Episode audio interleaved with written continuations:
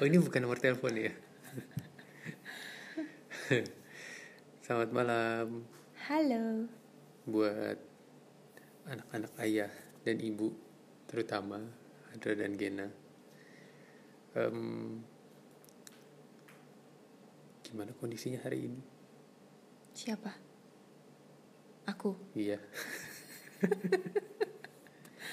ya semoga semuanya dalam keadaan yang sehat, dalam keadaan yang baik-baik aja. Karena hari ini tuh kondisi di luaran ya masih dalam situasi pandemi udah makin kritikal, makin gawat gitu ya. Iya, makin memprihatinkan, menakutkan dan entah ya. Maksudnya di satu sisi mungkin karena ini udah berlangsung cukup lama, mungkin buat sebagian orang udah jadi kayak hal yang biasa. Mungkin buat sebagian orang juga mungkin ada yang udah lupa bahwa sekarang kita masih juga dalam kondisi pandemi belum selesai gitu. Ada juga orang-orang yang mungkin lihat berita semakin parno. Jadi kayaknya ya agak beda-beda sih kayaknya orang juga menyikapi kondisi saat ini. Iya, tapi yang enggak yang memprihatinkan tuh ya Indonesia terus menerus mencetak rekor setiap harinya untuk kasus baru ya Sementara di luar sana tuh negara lain udah pada mulai turun. bukan turun lagi, yang udah nggak ada kasus lah gitu, terus udah mulai kembali. Bisa dibilang banyak negara yang udah back to normal gitu. Walaupun ya mungkin kayak penggunaan masker masih gitu ya, tapi kayak aktivitas tuh bener-bener udah berlangsung normal. Sementara kalau di sini aktivitas berlangsung normal, walaupun ya mau sok normal kalau di sini tuh gitu. Jadi kayak mau ikut-ikutan normal kayak di luar sana padahal lupa. Kondisi kasus di sini tuh masih parah banget dan semakin banyak korban-korban tenaga medis yang berjatuhan gitu. Iya. sedih banget sih tuh.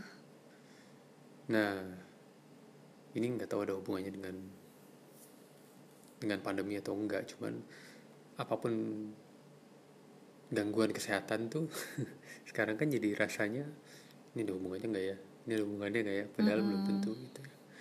Itu yang terjadi sama Aludra di satu minggu belakangan. Sebenarnya sih kondisinya sehat-sehat aja.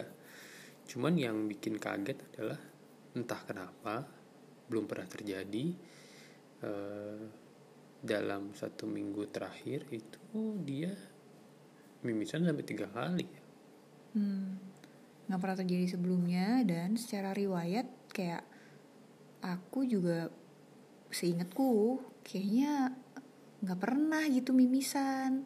Bukan yang karena ada temanku yang cerita bahwa oh anakku biasa kok mimisan karena gue juga dulu dari kecil tuh biasa mimisan gitu. Kalau udah demam pasti mimisan gitu. Terus capek dikit mimisan gitu. Jadi kayaknya kalau secara riwayat kesehatan aku yang jarang mimisan nggak mungkin hampir nggak pernah ntar aku tanya mama deh. Cuma seingatku nggak pernah mimisan dan aludra selama empat setengah tahun ini ya baru ini. Padahal maksudnya secara level of activity ya secara aktivitas dia kayaknya nggak terlalu heboh-heboh banget gitu. Bukan yang kayak abis anak panas-panasan di luar gitu terus tiba-tiba mimisan gitu. Enggak dia kan aktivitasnya di rumah aja gitu biasa aja. Makanya cukup kaget gitu ini ada apa? Kok tiba-tiba banget? gitu aku mimisan. pernah sih ya nggak tahu ya tapi di umur berapa gitu. Aku inget kayak dikasih di itu dikasih daun sirih gitu digulung gitu. Eh, cuman kalau ditanya waktunya nggak inget kapan gitu. Tapi anyway waktu dia mimisan pertama kali itu pas lagi makan siang kalau nggak salah ya. Makan malam. Oh, makan malam ya? Makan malam. Itu hari Sabtu pas lagi makan malam. Oke. Nah, itu kan kamu kayak eh kata pertama yang terucap tuh kayak kayak panik gitu. Padahal sebenarnya mungkin nggak terlalu kelihatan panik sebenarnya. Cuman kata-katanya tuh yang astagfirullah. Kaget itu karena nggak? Ya. Iya oke kaget. Habis itu eh apa namanya em, sebenarnya kalau anak mimisan tuh eh apa ilmunya? Nah, aku nggak punya ilmunya. Jadi ternyata eh, ini cerita aja ini belakangan lah ceritanya. Em, setelah udah beres aku baru sempet buka materi bukan materi maksudnya cek googling gitu. Ternyata yang kamu lakukan oh udah bener nih gitu. Nggak seperti yang nggak seperti yang aku pikir harus dilakukan berkaca pada pengalaman zaman dulu nyari siri. Nah jadi sebenarnya kalau mimisan dikasih sirih bener apa salah pak? Tahu dulu mah sebut sebut aja. Jadi ini ah, ya sharing aja sih ya. Ini sebenarnya salah satu materi yang pernah aku dapat juga dari uh, Save Kids Indonesia. Jadi pernah di sharing gimana pertolongan pertama pada anak-anak lah gitu. Jadi kalau um, pada cedera anak gitu ya kan sering belajar gitu di SKI nah, salah satunya tuh soal mimisan. Jadi um, dari yang nah itu dia ti udah pernah belajar aja kan kadang-kadang kita kalau pas kejadian tuh ditambah bumbu panik itu kan kadang-kadang yang mungkin nggak 100% kita inget gitu yang nempel-nempel di kepala aja gitu seinget-ingetnya jadi yang aku inget waktu itu kalau anak mimisan tuh uh, anaknya disuruh nundukin kepala gitu ya. Maksudnya badan tetap tegak tapi posisi kepalanya agak menunduk gitu. Terus ya udah ditadangin aja gitu apa namanya darahnya pakai tisu gitu. Habis itu ditekan tekannya pelan aja ya nggak usah kenceng-kenceng banget gitu pangkal hidungnya hmm. gitu. Nah ini kemarin juga pas aku tekan juga aludra walaupun sesekali kayak aduh sakit bu. Oke berarti harus agak dikurangin dikit gitu tekanannya. Kayak gitu. Oke jadi kalau dia apa namanya uh, uh, dalam posisi duduk tetap duduk ya? Duduk aja. Oh, bukan tiduran? Enggak okay. duduk. Jadi dia duduk tapi posisi kepalanya agak nunduk gitu supaya darahnya uh, ya dialirkan keluar alirkan gitu. keluar. Kalau dia malah kalau zaman dulu kan disuruh menengadah gitu ya. Hmm. kepalanya menengadah ngeliat ke atas atau tiduran tuh kan sebenarnya justru darahnya masuk ke telan gitu loh. Oh iya benar juga. Iya kan? Ya secara logika juga nggak nyaman posisi seperti itu. Jadi darahnya pun nggak keluar di, melalui jalur yang tepat gitu loh menurutku. Ya udah darahnya keluar kita tadangin kita tekan pangkal hidungnya.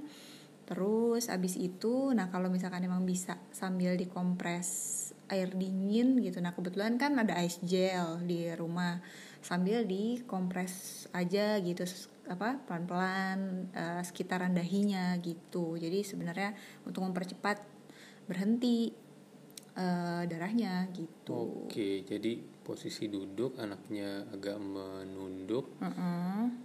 terus hidung pangkal hidungnya ditekan dan dikompres. Uh -uh. Hmm. Kompres air dingin. Udah sebenarnya itu doang dan um, tinggal dipantau deh tuh um, apa namanya biasanya sih berlangsungnya antara 5 sampai 10 menit gitu normalnya ya Nah, mungkin kalau diperlukan tindakan lebih lanjut misalkan kalau um, lebih dari 20 menit atau setengah jam darahnya nggak berhenti mengalir gitu.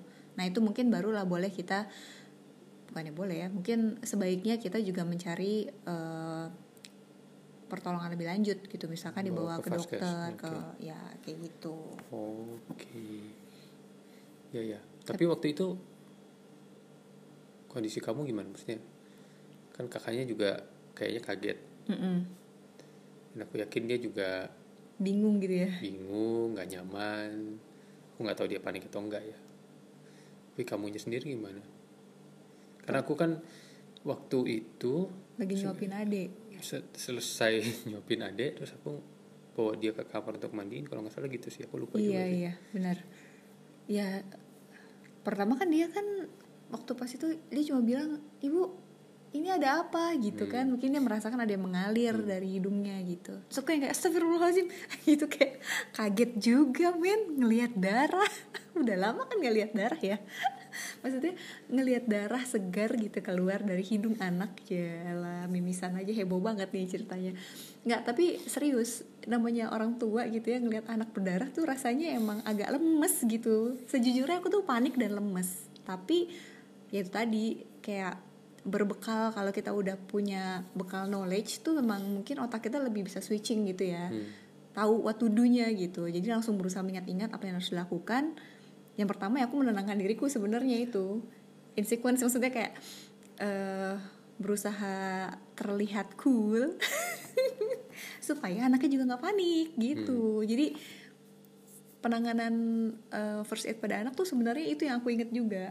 Orang tuanya harus tenang jangan panik. Karena begitu orang tuanya panik anak akan lebih panik lagi gitu. Karena dia lagi bingung nggak tahu nih ada apa atau lagi kesakitan gitu terus orang tuanya panik ya anak udah makin heboh juga gitu. Karena lihat orang tuanya heboh gitulah. Ya ya gitu. Oke. Ya ya berusaha sokul gitu. Kakak ini coba tundukin ya kepalanya cie gitu. Nih nafasnya oh iya satu lagi. Ketika dia sambil nunduk darahnya keluar itu eh, anak sebisa mungkin di, di apa namanya diajak untuk bernafas lewat mulut jadi jangan lewat hidung karena kalau dia nafas lewat hidung darahnya kesedot. Oke. Gitu. Waktu dia narik nafas ya? Iya, jadi dia nafasnya, jadi aku bilang gitu, kakak coba tundukin kepalanya, terus eh, mulutnya dibuka, nafasnya lewat mulut dulu ya, gitu, sambil kita eh, lapin gitu darah yang keluar, terus sambil dikompres sekali kan, kalau dia udah berapa detik, terus aku lepas, berapa detik lepas. Karena kalau nggak kan ding kedinginan tuh, Hmm, gitu, kayak gitu sih sebenarnya. Hmm, oke Ya, Nah, ya. cuma kalau dibilang itu tadi kan kalau kamu bilang zaman dulu pakai Siri ya. Iya. Ya kalau menurut aku sih sebenarnya bukannya salah sih. nggak ada yang salah dengan sirih itu sebenarnya. Karena sirih kan sebenarnya mengandung antiseptik gitu dan juga kalau yang seingat aku ya sirih itu bisa membantu me- apa namanya menghentikan pendarahan terus juga dia tadi antiseptik. Nggak ada yang salah sebenarnya dengan penggunaan sirih cuma di rumah ini nggak ada siri. Nah zaman sekarang kan nggak kayak zaman dulu yang di rumah orang biasanya di tiap rumah orang tuh ada pohon sirih gitu. Kalau kita anak mimisan terus mau nyari daun sirih anaknya keburu entah keburu kelar mimisannya kalau zaman sekarang nyari sirih dulu. Jadi itu pertolongan pertama yang bisa dilakukan ya itu tadi gitu. Kalau ada daun sirih ya boleh juga dipakai kali ya. Tapi dipastikan daun sirihnya juga bersih. Iya ya gitu. Oke. Iya de- itu ya bener sih. Jadi setelah semua beres kan akhirnya habis makan Aludra mandi terus di kamar ya terus aku sempat ngobrol gitu nanya tadi apa yang kamu rasain? gitu. Nah terus sebelum itu aku sempat apa googling. Googling dan kalau baca di situs-situs dokter itu Mm-mm. ya sama sih jawabannya emang di menundukkan kepala mengeluarkan apa namanya darahnya dulu sampai dikompres dan dipegang pangkal hidung. Jadi oh ya yang yang kamu lakukan tadi ternyata udah bener gitu Yeay, tepuk tangan untuk ibu. Ternyata masih inget. iya ternyata ya tapi kalau nggak kejadian aku nggak akan nyari informasi itu sih jadi mungkin ya lumayan lah ya, ini kita berbagi biar em, kalau ada yang ngalamin juga kayak udah tahu stepnya gimana gitu mudah-mudahan ya walaupun pasti paniknya juga juga ada pasti nah tapi hmm, oh tadi udah ya kamu bilang 20 menitan kalau misalnya nggak berhenti baru dibawa ke fasilitas kesehatan gitu Itu sebenarnya salah satu pentingnya buat para orang tua nih. Maksudnya belajar mengenai em, keselamatan anak gitu loh menurutku. Terutama misalkan mengenai pertolongan pertama eh, atau first aid gitu loh di rumah, rumah. gitu karena bukannya kita belajar misalkan untuk eh, handling ketika anak cedera mengatasi luka gitu-gitu. Atau kayak belajar mengenai CPR atau Heimlich maneuver gitu untuk pertolongan pertama pada kondisi tersedak. Bukannya kita belajar karena ngarepin terjadi bukan. Justru kita belajar sambil berharap itu nggak pernah terjadi sih sebenarnya. Tapi kalau sewaktu-waktu amit-amit sampai kejadian at least kita udah lebih siap ya? Kita lebih siap gitu dan kayak walaupun mungkin gak 100% ilmunya step by stepnya kita inget tapi at least kita tahu what to do dan mungkin agak sedikit lebih tidak panik dibandingkan kita nggak tahu apa-apa sama sekali. Iya iya. Gitu. Oke. Nah itu karena apa ya dia bisa begitu? Maksudnya em, ya sebenarnya ketika mimisan yang kedua dan ketiga itu ya pasti tetap panik ya. Maksudnya tetap panik itu dalam arti kok belum berhenti ya gitu. Kok Maksudnya, lagi kok lagi gitu ya. Heeh. nah itu kira-kira karena apa sih? Ya nggak tahu sih. Aku bukan dokter. Yang sebenarnya yang bikin pan yang aku agak lebih panik tuh waktu yang kejadian kemarin. Nih jadi kejadiannya tuh pertama tuh hari Sabtu minggu lalu. Nih kita ngerekam nih hari Kamis ya. Iya. Kamis. Jadi eh, kejadiannya hari Sabtu lalu. Terus itu yang pertama. Yang kedua itu kemarin siang hari Rabu siang setelah makan siang. Malamnya tiba-tiba keluar lagi. Jadi sehari tuh kemarin dua kali. Pas habis makan siang dan ketika makan malam. menjelang makan malam deh kalau nggak salah ya. Kayaknya pas baru mau makan malam gitu seingatku. Jadi sehari dua kali dan itu cukup bikin nyes juga gitu. Nih ada apa ya kok bisa sampai dua kali keluar gini? Dan padahal gara-gara siangnya dia eh, mimisan terus anaknya udah disuruh istirahat gitu loh. Dia Ya, bahkan dia tidur tidur siang. siang gitu. Terus tau-tau malamnya keluar lagi lah. Itu kan cukup bikin nih kenapa? lagi gitu. Akhirnya sampai aku WhatsApp lah gitu ke dokter anak-anak. Hmm, dokter Nina. Heeh. terus apa katanya dokter Nina?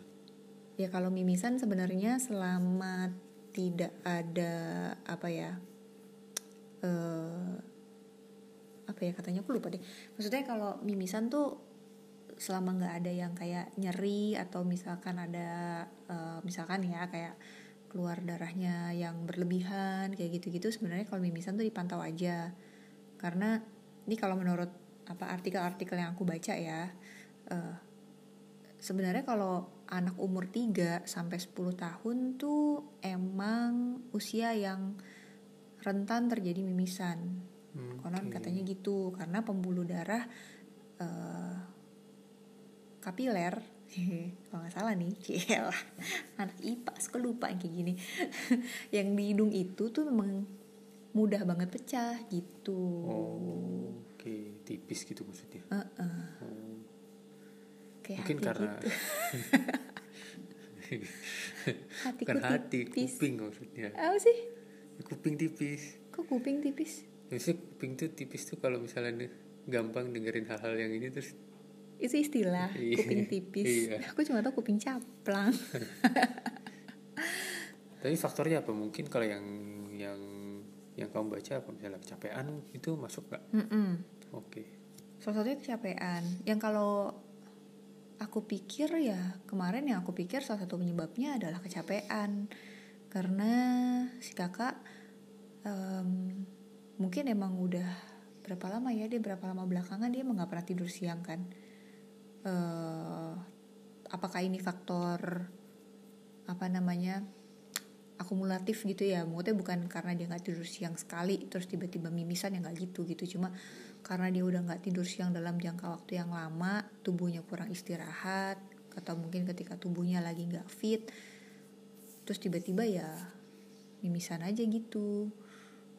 Terus kalau aku baca-baca ada faktor kayak alergi juga gitu.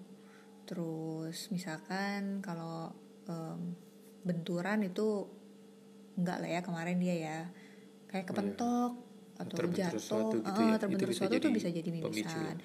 terus demam demam tinggi itu juga mungkin karena dia bisa bikin pecah pembuluh darah akhirnya bisa anak mimisan. Nah, kemarin tuh enggak gitu. Jadi kayak faktor yang aku pikirkan adalah kecapean. Nah kalau kemarin aku sempat dikasih tahu juga sama Mabun Hmm.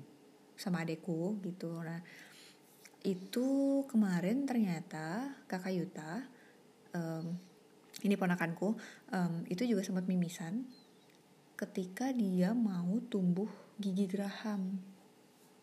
Oke. Jadi kalau menurut ilmu homeopati yang dipelajarin Mapun itu eh, mimisan tuh bisa terjadi karena kelebihan atau kekurangan kalsium dan fosfor.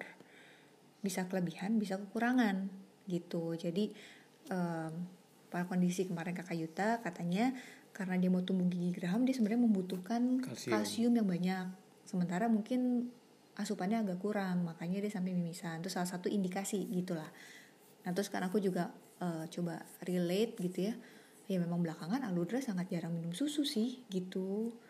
Lagi agak males. Dulu-dulu tuh kalau lagi seneng mah sehari minta melulu gitu. Nah ini lagi enggak sama sekali. Stok susu di kulkas tuh jarang banget keminum sama dia gitu. Minta beli tapi nggak diminum gitu.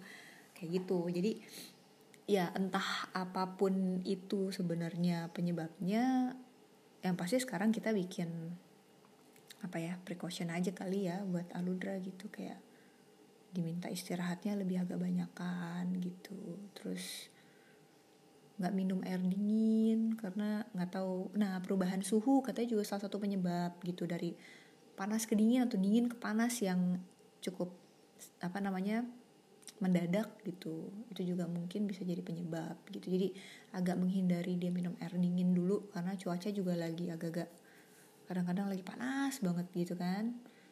Kayak gitu. Oke. ini kayak lagi di interview gue kayak dokter gitu. Terabal-abal. Nah jadi tadi apa ya Tuh kalau kan dia samri lagi nih udah kayak moderator lagi. Iya benar. Cuman apa em, kalau coba sum up tuh, tuh kan berarti sama apa lagi dia. Eh, kita sebagai orang tua mungkin perlu ya punya ilmu kecil-kecilan soal first aid gitu ya. nggak kecil lah Ya, Maksudnya bukan kecil-kecilan tapi ya kita tahu lah gitu. Eh, Sehingga kalau misalnya terjadi sesuatu ya we know what to do gitu. Nggak blank-blank amat. Mm-mm. Panik sih pasti. pasti Eh, karena di, terhindarkan ya aku juga kayak pikiran nih ya udah siap-siap gitu kan nih kalau misalnya dia nggak berhenti emang berarti harus ke siap-siap ke ke rumah sakit udah bayangin gitu kan. Aduh, lagi Ya ada- ribet gini, ya, ada lagi- kaitannya nggak sih dengan dengan kondisi kayak gini gitu? Stres juga salah satu pemicu loh. Oke ya. Mungkin kita butuh liburan. Tapi belum boleh. Ya terus em, ya ketika kita punya ilmu itu Mm-mm. once itu terjadi ya tadi ya ketika meskipun panik tapi kita udah punya clue lah untuk harus ngapain. Karena aku ngebayangin kalau aku yang sendirian nih di rumah, rumah berdua sama dia gitu kalau itu terjadi ya paling aku Suruh dengan ilmu tiduran. yang ada yang dulu ya suruh tiduran gitu. Terus cari ke tetangga cari siri. Enggak sih. Paling suruh minum. Bayangan suruh minum. Itu kan karena aku nggak ada nggak ada ilmunya which is Iya. bagusnya kamu udah ada udah ada ilmunya gitu dari Safe Kids ya jadi terima kasih buat Safe Kids udah mencerahkan gitu maksudnya pasti ada juga ilmu-ilmu lain yang yang mungkin di share sama sama eh, apa namanya eh, akun-akun seperti Safe Kids gini yang yang entah kapan kita perlunya eh, penting juga tuh untuk diingat-ingat gitu kali Mm-mm. bener Iya sih. Ya udah. ya intinya sih kita berharap selalu sehat aja ya. Iya. Ya walaupun tapi anaknya sekarang jadi rada parno loh dia. Iya bukan pasti. parno gimana ya? Maksudnya dia jadi agak-agak eh, apa entah kalau misalkan ada ingus apa dikit-dikit dia kayak ibu ibu ini kayak dia mau keluar. Ibu ibu ini kayak dia mau keluar gitu. Apaan sih? gitu kan. Aku intip nggak ada apa-apa sebenarnya. Ibu aku mau buang ingus apalah gitu. Jadi kayak mungkin dia masih eh, terasa rasa tidak nyamannya itu di hidungnya. Jadi mungkin ya namanya kita kan kadang-kadang kalau bersin hidung kita kan suka berair gitu ya. Ada cairan hidung atau apa. Jadi mungkin dia kalau ngerasa ada yang cair-cair di hidung mungkin dia takut berasa itu darah lagi gitu loh yang keluar. Atau ya simply kejadian itu membuat dia lebih alert sama tubuhnya juga. Ya bisa jadi juga gitu sih. Gitu. Oke. ya semoga sharing kali ini membantu buat para orang tua di sana juga. Ya, yang mungkin anaknya belum pernah mimisan semoga nggak pernah. Tapi kalau suatu waktu sampai kejadian paling nggak uh, yuk kita bekali diri lah sebagai orang tua buat tahu cara mengatasi kalau sampai terjadi sesuatu pada anak kita gitu. Right oke. Okay. terima kasih sudah mendengarkan. Ah.